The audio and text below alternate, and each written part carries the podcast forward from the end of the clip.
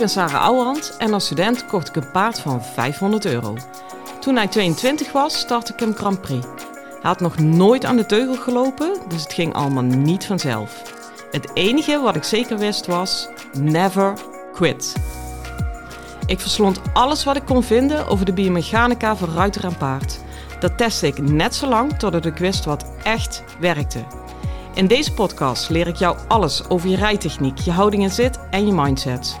Want ook jij kan naar de Grand Prix gaan, zelfs als je geen miljoenenpaard hebt. Hey lieve paardenmensen. Nou, ik begin dadelijk de podcast met te zeggen dat ik aan mijn vakantie begin. Daar ben ik ook duidelijk aan toe, want ik maak een vergissing. Het gaat hier helemaal niet om deel 2 van het over het appiment, maar het is alweer deel 3. Wat maar aangeeft dat je over het appiment echt gewoon nooit uitgeluld bent. Uh, dat komt goed uit, want dat is ook uh, mijn punt van de podcast die hierna volgt. Maar ik dacht, ik breng van tevoren even in om je aan te geven, ik heb het in deze podcast de hele tijd over deel 2, maar het is dus deel 3. Deel 1 is aflevering 38. Deel 2 is aflevering 54 en dit is dus de derde en waarschijnlijk echt laatste aflevering over het appiment. Veel luisterplezier. Hoi!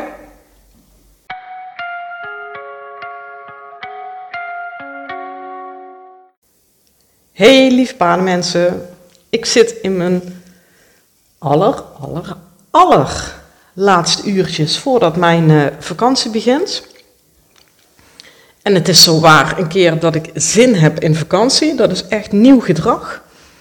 Dus alleen al daarom uh, kan de vlag uit. Ja, ik kijk er gewoon gigantisch naar uit. Maar ik ga natuurlijk niet op vakantie zonder heel veel podcast achter te laten um, voor jullie. Er staan er ook echt al mega veel klaar. Dus je kan voorlopig vooruit. En uh, deze dacht ik, en niet in de laatste plaats vanwege mijn les vanochtend die ik zelf kreeg, gaat nog een keer over het appiëment. Um, ja, weet je, ik vind appiëren, ja, ieder heeft zijn eigen favoriete oefening. Ja, appiëren en pirouetten, maar dat lijkt natuurlijk op elkaar. Als het lukt, vind ik het zo'n ontzettend heerlijke oefening. Maar ik weet ook, als het niet lukt, is het gewoon de grootste rukoefening die er maar is, met een hoop impulsverlies en gesjor en geduw en getrek. Zonder dat je dat wil natuurlijk. Dus uh, ja, het kan denk ik geen kwaad om het daar nog een keer over te hebben. Uh, ik blijf het daar voor mezelf ook een keer over hebben. Ik had dan vanochtend uh, mijn eigen les bij Frank Jespers. En die gaf aan, uh, nou als je deze schouder binnenwaarts zo kwalitatief goed rijdt, rijd daar dan ook eens een appiëment uit. Nou, en ik doe het linksom en rechtsom. En hij zei daarna, hij zei echt, Sarah, ik had echt nooit gedacht dat je ooit zo'n appiëment zou rijden. En dat bedoelde hij niet lullig. Dat was echt complimenteus. En toen zei ik, ja, ik had het eigenlijk ook nooit gedacht. Uh, maar het is weer verbeterd. Wat me aangeeft dat er zoveel ontzettend kleine facetjes zijn aan het appiëment. Uh, als je die op zichzelf staand verbetert, verbetert uiteindelijk het hele appiëment. En dat is een waarheid als een koe. En toch gaan de meeste ruiters hier nog wel aan voorbij en blijven toch maar het appiëment zelf rijden. Terwijl ik echt denk en vanochtend weer heb mogen ervaren dat dat bijna de grootste valkuil is die je kan hebben. Um, omdat iedere keer, even puur nog neurologisch hoe het werkt in je brein, iedere keer dat je een appiëment rijdt, dat uh, oncomfortabel voelt, niet goed voelt, sjorren, duwen, trekken, weet ik veel hoe je het allemaal wil noemen. Vertel je jezelf dus, geef je jezelf dus de informatie, ik kan niet appiëren, dit gaat niet goed. En dan snap ik ook wel dat je op een gegeven moment ook wel even uh, de kracht van herhaling nodig hebt en dat iedere keer een beetje beter moet gaan. Maar dan moet je dat herhalen en dat iedere keer een beetje beter laten gaan, wel echt gefundeerd opbouwen. En dat zeg ik niet om jou even de les te lezen van zo moet je het doen, maar omdat wat ik dan vanochtend weer gevoeld heb, ja, weet je, dat gun ik gewoon iedereen. En dan kun je nagaan, ik had Frank, uh, ik denk, maand of anderhalve maand niet gezien, tussen de vorige les en nu. En ik zal je nog sterker vertellen, tussen de vorige les en nu heb ik, volgens mij echt niet één keer, maar laten we zeggen één keer geappieerd. En toch was het appiëment verbeterd. Ehm, ja, weet je, daar hangt toch gewoon de vlag op uit. Dan, dan weet ik toch gewoon, ik heb echt wel zitten ploeteren de afgelopen weken, maar dan weet ik weer van, oh ja, weet je, het ploeteren leidt ergens toe. en waar heb ik dan met name op geploeterd, want die is ook voor jou interessant. Ja, dat is schoudercontrole. Ik zeg dat ook al in uh, deel 1 van het appiëment. Die moet je overigens, ja, daar kom ik nu mee, nu ik al drie minuten tegen je aan praat. Maar die moet je wel eerst geluisterd hebben om uh, deze goed te kunnen luisteren. Dus ja, weet je, als je het nu luisteren, ga heel even terug naar aflevering 38. Luister die eerst en kom dan op deze terug, want dan heb je gewoon een completer verhaal. En in aflevering 38 zeg ik ook al, het gaat om de voorkant, om de schouders. Maar ik heb nou nog dieper begrepen en weer mogen ervaren dat het een goed appiëment gaat eigenlijk, hou je vast, alleen maar over schoudercontrole. Dat durf ik echt te zeggen. Ehm, want weet je, schuin en scheef of pootje over krijgen we ze allemaal wel. Ik weet dat dat voor sommige mensen ook al niet makkelijk voelt, maar weet je, ieder paard kan je omduwen. Even heel simpel gezegd. Maar om een paard om te kunnen duwen terwijl jij nog een stuur houdt, want dat is appiëren, dat is wel even een heel ander verhaal. En daar gaat het over. Dus ik heb het dus nu ook bevestigd gekregen, want de afgelopen zes weken, ik ben natuurlijk bij Tristan Tukker geweest. En die eh, vriend heeft me echt knetter geïnspireerd. En ik ben helemaal bezig geweest met de, ja, ik zeg het even simpel, de keertwending om de voorhand. Dus een beetje oneerbiedig, maar in ieder geval dat om zijn as draaien om de voorhand heen, wat Tristan heel veel doet. Dat heb ik helemaal dressuurmatig vertaald en eigenlijk naar alle oefeningen toe van ja, hoe werkt dat dan? Ja, dat is nu veel te complex om allemaal te vangen. Maar dat gaat ook ultiem over schoudercontrole. Kan ik de schouders, het stuur precies zo leiden, terwijl de rest van het lichaam daar achteraan aan elkaar ritst? En dat is natuurlijk eigenlijk ook wel een hele tricky uitspraak, want de schreeuwers op Facebook zouden nu meteen gaan roepen. En je moet hem van achter naar voren rijden en het begint allemaal achter, bla bla bla. Klopt, helemaal waar. Waarheid als een koe. Maar als je datgene wat je achter opwekt niet in goede banen kan leiden via de schouders, heb je nog niks. Dus het is maar net hoe je het bekijkt. En daarom ga ik ook weer even zitten timmeren op die schoudercontrole. Want dat komt ultiem samen in dat appiëment. Het gaat er namelijk om dat je de binnenschouder, we appiëren naar links toe, dat je de binnenschouder, de linkerschouder, maximaal naar links kan plaatsen. Want die, dat, die binnen, dat binnenvoorbeen moet helemaal naar binnen toe openen. Dus die moet je helemaal naar binnen plaatsen.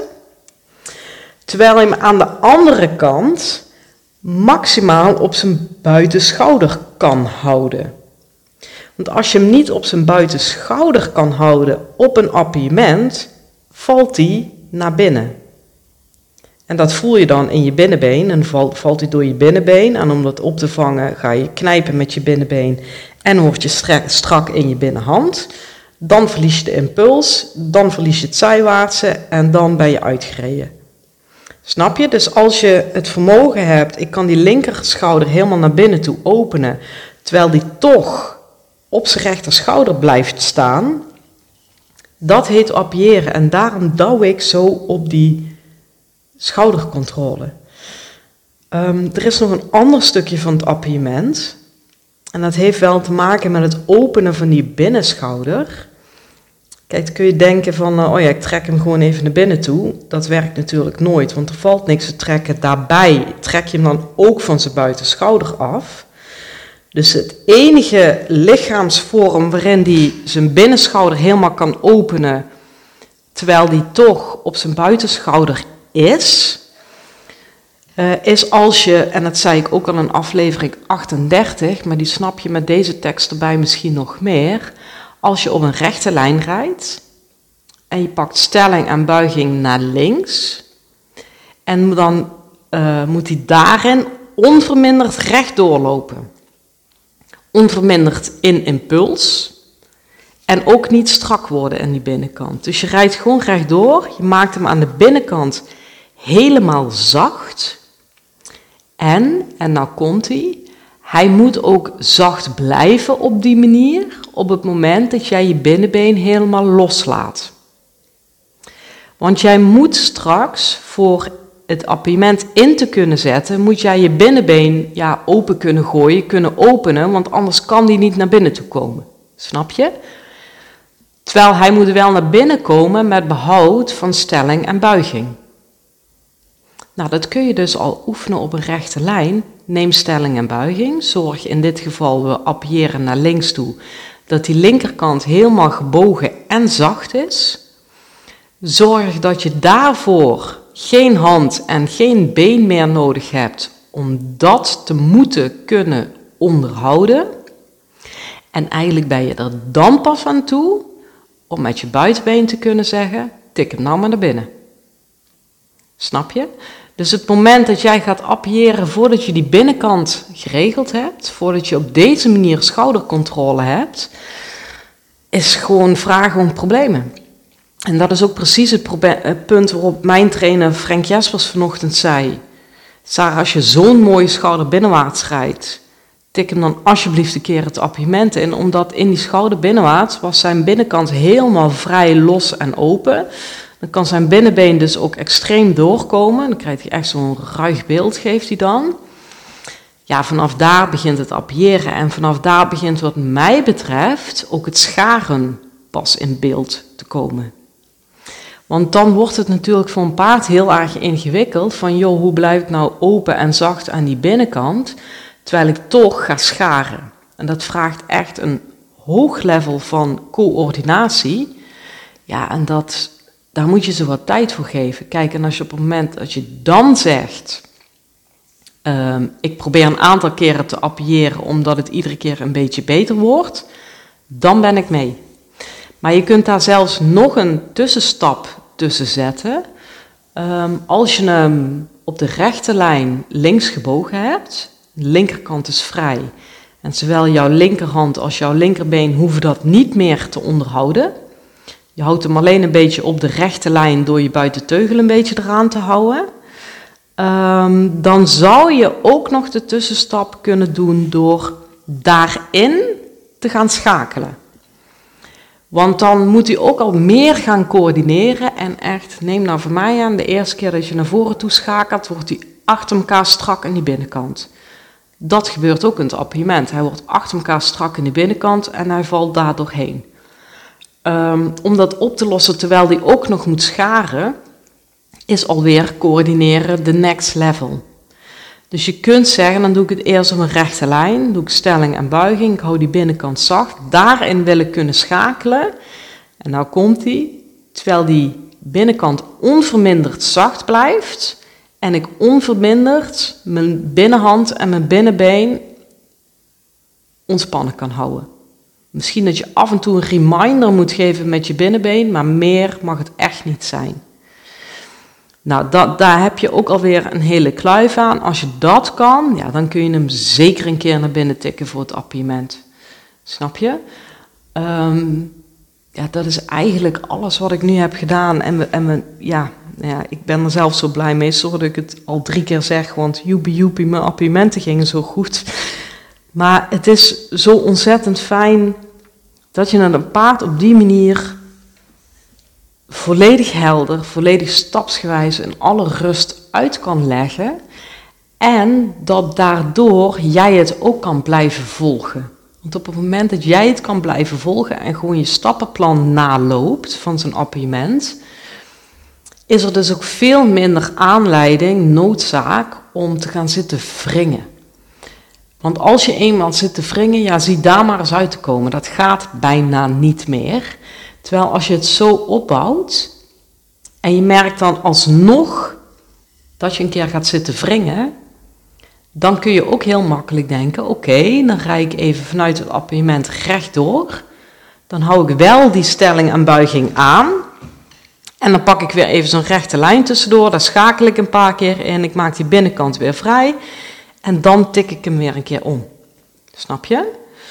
Um, in aflevering 38 heb ik ook gezegd dat appiëren travers over de middenlijn. Wat daar goud aan is, is dat je dan de voorwaartse bewegingsenergie benadrukt in plaats van de zijwaartse. Want zijwaarts is bijna altijd uh, enorm risico op impulsverlies. En ja, voorwaarts, spreekt voor zich. Hè? Heb je daar iets, iets minder last van door de bank genomen? Nou, als je vanuit die gedachte denkt, kun je ook nog denken: ik ga niet alleen schakelen met een zachte binnenkant op een rechte lijn, maar ik ga ook een keer schakelen in travers op een rechte lijn, gewoon op de hoefslag. En daarbij ben ik ook extra keen dat die binnenkant zacht wordt. Het is maar net hoe je het bekijkt. Dus die travers kun je op deze manier ook voortborduren. Snap je? Ehm, ik zit te denken, heb ik daarmee alles aan je gegeven wat ik nu over het appiment kan brengen? Ja, ik denk het wel. En weet je, zelfs al heb je aflevering 38 al gehoord, luister hem een keer terug als je er echt in wil duiken. Want ik heb hem zelf vanochtend terug zitten luisteren omdat ik dacht, als ik met deel 2 kom, wil ik eerst even weten wat ik in deel 1 heb zitten verkondigen. Jongens, al zeg ik het zelf, daar zit echt heel veel informatie in. Dat ik zelfs dacht van, nou de helft was ook al genoeg geweest. Uh, en het is je met liefde gegeven, dat bedoel ik niet. Maar als je die maar één keer luistert, dan zitten misschien wel vijf of zes aspecten in die ik benoemd heb, die allemaal voor elkaar moeten zijn. Ja, als je die één keer luistert, dan onthoud je er één of twee. Daar ga je in het beste geval mee aan de slag en de rest verzandt weer een beetje.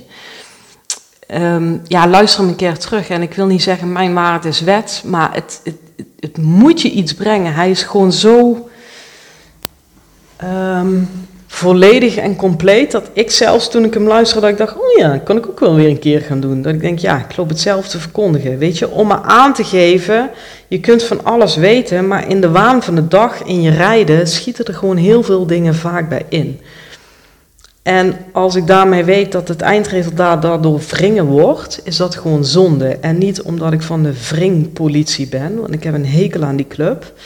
Maar wel omdat ik jou gun dat je daarin los kan laten. Um, en, en, dat je het goede gevoel krijgt. En wat ik ontzettend leuk vind, is dat er iemand is um, die deze podcast volgt. In ieder geval zeker deze aflevering. En die echt tegen me zei van ja, weet je, ik loop nou echt al jaren te kloten met het appartement dacht dat ik het begreep. Ik heb het nooit echt begrepen. En het was altijd maar met de hak over de sloot.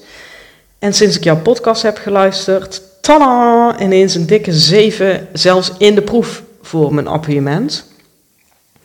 Ja, lieve mensen, blijer kan je mij niet maken. Dus doe er je voordeel mee. Pak er ook uit wat voor jou zinvol is. Gooi in de prullenbak wat voor jou niet zinvol is. Maar ik wens je bovenal een hele fijne dag en veel plezier met je paard. Hoi!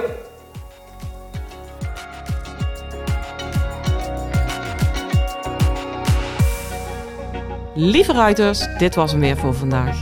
Waardeer je mijn tips? Geef me sterren op Spotify en iTunes. Dat voelt voor mij als een dankjewel. En geef je paard een knuffel van me.